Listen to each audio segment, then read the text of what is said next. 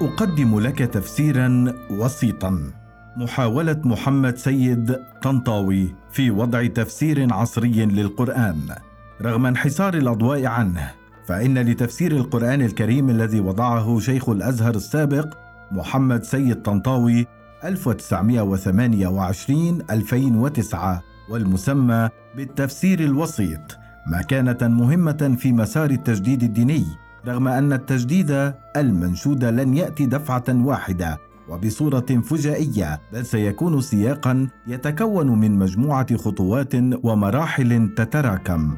وربما كان اختلاف وسيط طنطاوي عن بقية التفاسير هو ما أسهم في إهماله هو ليس بالتفسير الوجداني الذي تفضله الصوفية كما في لطائف الإشارات للقشيري تاريخ 465 هجرية ولا يشبه تفسير النسفي تاريخ 710 هجرية الذي يختاره الأزهر لتدريسه في المرحلة الثانوية ولا تفسير ابن كثير تاريخ 774 هجرية الذي يدعمه شيوخ السلفية ولا في ظلال القرآن لسيد قطب أو الأساس في التفسير للسوري سعيد حوا اللذين تفضلهما جماعة الإخوان المسلمين كون المؤلفين من أعضائها.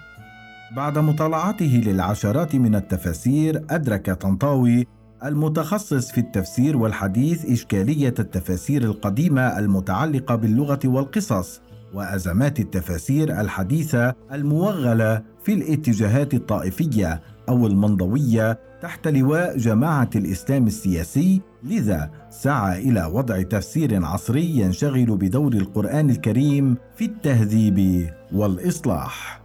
كتاب هداية في مقدمة قصيرة يشير طنطاوي إلى مقاصد التنزيل ويريد مما كتبه التنبيه إلى كون القرآن يقصد هداية الإنسان من خلال تقويم أخلاق الناس وتحقيق سعادة النفوس التي تطلع إليها القلوب بجانب كون كتابا يشمل العقائد والعبادات والأحكام والآداب والعظات. ويتقرب به المؤمن إلى الله بتلاوته وحفظه وتدبره والعمل بتوجيهاته.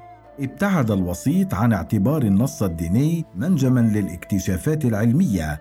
فلم ينخدع بالتوافق السطحي بين منطوق الآيات وبين اكتشافات العصر الحديثة فمثلا عند تفسيره آية ومن يرد أن يضله يجعل صدره ضيقا حرجا كأنما يصعد في السماء الأنعام 125 يرى أنها تشبيه لقلب الإنسان الضال ومبالغة في ضيق صدره حيث شبه بمن يزاول ما لا يقدر عليه فإن صعود السماء مثل فيما هو خارج عن دائرة الاستطاعة أي كأنما إذا دعي إلى الإسلام قد كلف الصعود إلى السماء وهو لا يستطيعه بحال.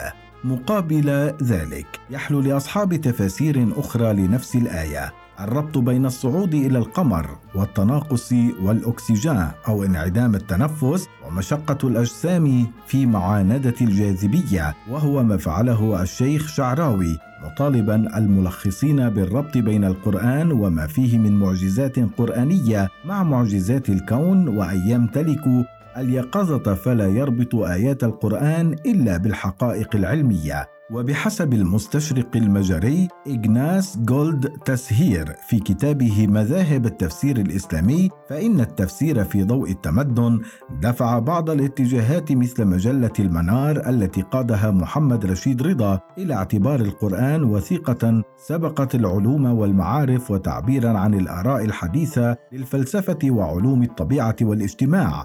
ويعتقد طنطاوي أن مقاصد التنزيل هي الهداية وأن التفسير يقوم بدور المساعد والكاشف عن الهدايات السامية والتوجهات النافعة والعظات الشافية والكنوز الثمينة التي احتواها الكتاب الكريم.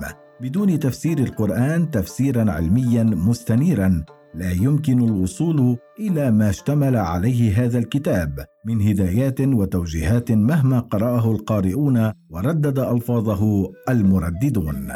مؤلفات السابقين.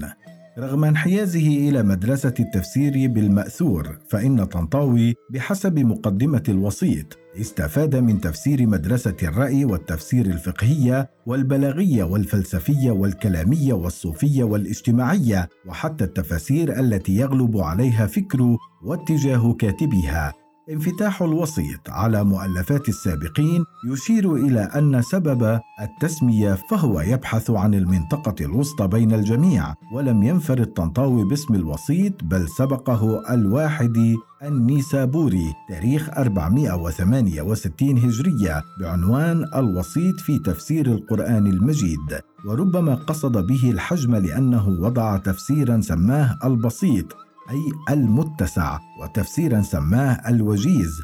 أي المختصر كما سبقه مجمع البحوث الإسلامي بإخراج التفسير الوسيط للقرآن الكريم وهو من تأليف لجنة من العلماء تحت إشراف المجمع في العام 1979 وأراد مؤلفوه أن يكون وسيطا بين التفاسير المختلفة التي أوجزت حتى قل الانتفاع وأطنبوا حتى جاوزوا القصد بحسب مقدمته وجمع الوسيط في إعجابه عددا من المفسرين القدماء وآخرين من العصر الحديث فتأثر أولا بتفسير الجامع لأحكام القرآن للقرطبي تاريخ 661 هجرية ومن بعده تفسير القرآن الكريم لابن كثير وتفسير الكشاف للزمخرشي تاريخ 538 وتفسير روح المعاني للألوسي تاريخ 1270 هجرية والتفسير الكبير للفخر الرازي تاريخ 606 هجرية إلى جانب غريب القرآن للأصفهاني تاريخ 502 هجرية والانتصاف على الكشاف لابن المنير تاريخ 683 هجرية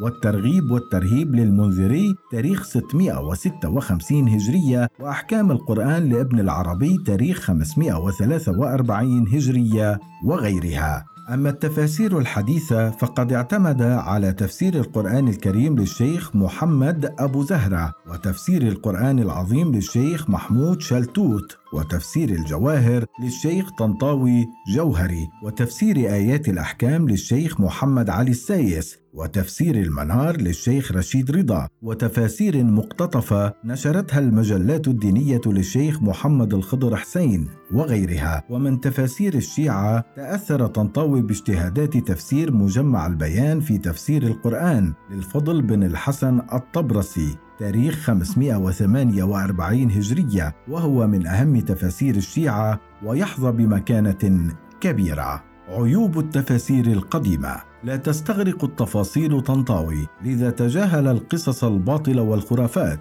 وأسباب النزول غير المقبولة وتمكن من الهروب من فخ الإعجاب بالقصص الغريبة والمنافية للمنطق والعقل التي تستهوي كثيرين من المسلمين. مشيرا إلى كل هذا بقوله أقدم لك تفسيرا وسيطا وقد بذلت فيه أقصى جهدي ليكون تفسيرا علميا محققا محررا من الأقوال الضعيفة والشبه الباطلة والمعاني السقيمة وتجنب الخوض في التفريعات الطويلة والألغاز الشاقة الناتجة عن المسائل النحوية والصرفية. إلى جانب الإعراض عن القضايا الكلامية الجدلية والخلافية وكلها عيوب أعاقت التفاسير القديمة عن الوصول مع القراء الجدد وطرح طنطاوي تفسيره بلغة رشيقة بعيدة عن التعقيدات اللغوية القديمة والألفاظ المعجمية متجنبا التفسيرات الطائفية التي تأخذ المسلمين بعيدا عن أهداف القرآن ككتاب هداية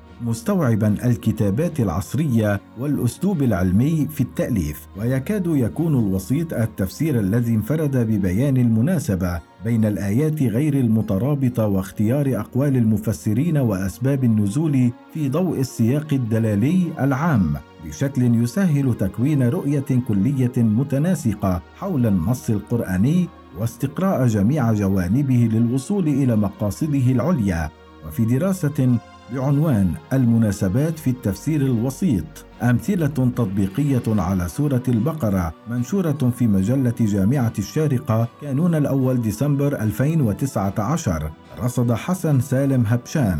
عدة نماذج للمناسبات التي طرحها طنطاوي بين الآيات لتحقيق منظومة متكاملة بين آيات السورة الواحدة وحول منهجه شرح طنطاوي طريقته في التفسير. ستلاحظ أنني كثيرا ما أبدأ بشرح الألفاظ القرآنية شرحا لغويا مناسبا ثم أبين المراد منها إذا كان الأمر يقتضي ذلك. ثم أذكر سبب النزول للآية أو الآيات إذا وجد كان مقبولا. ثم أذكر المعاني الإجمالية للآية أو الجملة مستعرضا لما اشتملت عليه من وجوه البلاغة والبيان والعظات والآداب والأحكام مدعما ذلك بما يؤدي المعنى من آيات أخرى ومن الأحاديث النبوية ومن أقوال السلف الصالح وقد تجنبت التوسع في وجوه الإعراب واكتفيت بالرأي أو الآراء الراجحة إذ تعددت الأقوال وذلك لأنني توخيت فيما كتبت إبراز ما اشتمل عليه القرآن الكريم من الهدايات الجامعة. وأحكام سامية وتشريعات جليلة وآداب فضيلة وعظات بليغة وأخبار صادقة وتوجيهات نافعة وأساليب بليغة وألفاظ فصيحة. الحاكمية والخوارج. عرض طنطاوي في تفسيره مقولات الإسلام السياسي وخاصة ما يتعلق بتكفير الحاكم المسلم الذي لا يطبق الأحكام المستمدة من النصوص الدينية استنادا إلى الآية ومن لم يحكموا بما أنزل الله فأولئك هم الكافرون المائدة 44 رفض هذا التفسير فبرأيه كفر الحاكم لحكمه بغير ما أنزل الله مقيدا بقيد الاستهانة به والجحود له وهذا ما سار عليه كثير من العلماء. يميز هذا التفسير بين التوقف عن التطبيق الفعلي وبين الرفضي القلبي أو الإيماني الداخلي وهو تفريق لم تقبل به فرقة الخوارج التي التزمت بربط بين عمل القلب والجوارح وفق ما عرضه طنطاوي ووصفه بشبهة الخوارج. ونقل الرد عليها من تفسير صفوة البيان للشيخ حسنان مخلوف وعقبه بقوله الذين يحكم بغير حكم الله مع إقراره بحكم الله واعترافه به فإنه لا يصل في عصيانه وفسقه إلى درجة الكفر. آيات القتال في سورة التوبة. من نحو 24 صفحة. أعطى طنطاوي تمهيدا طويلا قبل سورة التوبة واعتبرها مع سورة الأنفال تعطيان صورة تاريخية مجملة. لدعوة النبي محمد صلى الله عليه وسلم وتحدث عن طريقة القرآن في حسم علاقة المسلمين بالمشركين. يقول فهي في أولها تعلن براءة الله ورسوله من المشركين بسبب خيانتهم وتمنحهم الأمان لمدة أربعة أشهر لكي يدبروا فيها أمر أنفسهم وتعلن للناس عامة يوم الحج الأكبر. إن الله ورسوله قد برئا من عهود المشركين وأنها قد نبذت إليهم وتستثني من هؤلاء المشركين أولئك الذين لم ينقضوا ويذهب في تفسير آية فإذا انسلخ الأشهر الحرم فاقتلوا المشركين حيث وجدتموهم وخذوهم واحصروهم واقعدوا لهم كل مرصد. التوبة آية خمسة إلى أن قتال المشركين مرتبط بخيانة العهد وإظهار العدوان. أما غير الأعداء فأعطى لهم الأمان في قوله وإن أحد من المشركين استجارك فأجره. التوبة ستة. وفي تفسيرها نقل طنطاوي رأي الشيخ محمد شلتوت القائل الإسلام يبيح بهذا الأمان التبادل التجاري والصناعي والثقافي وفي سائر الشؤون ما لم يتصل شيء منها بضرر الدولة. ويعقبه برأيه أن هذه الآية الكريمة تشهد بسمو تعاليم الإسلام وسماحتها وحرصها على هداية الناس. إلى الحق وعلى صيانة دمائهم وأموالهم وأعراضهم من العدوان عليها حتى ولو كان هؤلاء الناس من أعداء الإسلام. وانشغل طنطاوي خلال تفسيره بإبراز دور النص الديني في إصلاح النفوس وتهذيب الأخلاق. ويبدو أن المحرك الأول للكتابة في التفسير لديه متعلق بالمشكلات العديدة التي وقعت فيها التفاسير السابقة بعد احتوائها على أقوال ضعيفة ودخولها في تفريعات جانبية واهتمامها بإظهار الخلافات الكلامية والدفاع عنها أي أن الدفاع التجددي لديه ارتبط بأزمات السابقين أكثر مما هو مرتبط بالمفاهيم الدينية المغلوطة. وفي ظني أنه لو تأخر طنطاوي في وضع تفسيره لتمكن من التخلص من أي رواسب تكون علقت به من مؤلفات السابقين مثل التقيد الشديد بالمرويات وأقوال المفسرين وتضاؤل مساحة اجتهاده الذاتي فقد بدأ تأليف تفسيره في مطلع السبعينات بالمقارنة بين هذه السنوات المبكرة التي كان فيها استاذا للتفسير في كلية أصول الدين وبين السنوات الأخيرة من حياته عندما كان شيخا للأزهر. نكتشف أن العديد من أفكاره نضجت بصورة كبيرة حيث أطلق العديد من الآراء والفتاوى الجديدة والجريئة بشأن المرأة والمعاملات البنكية وغيرها.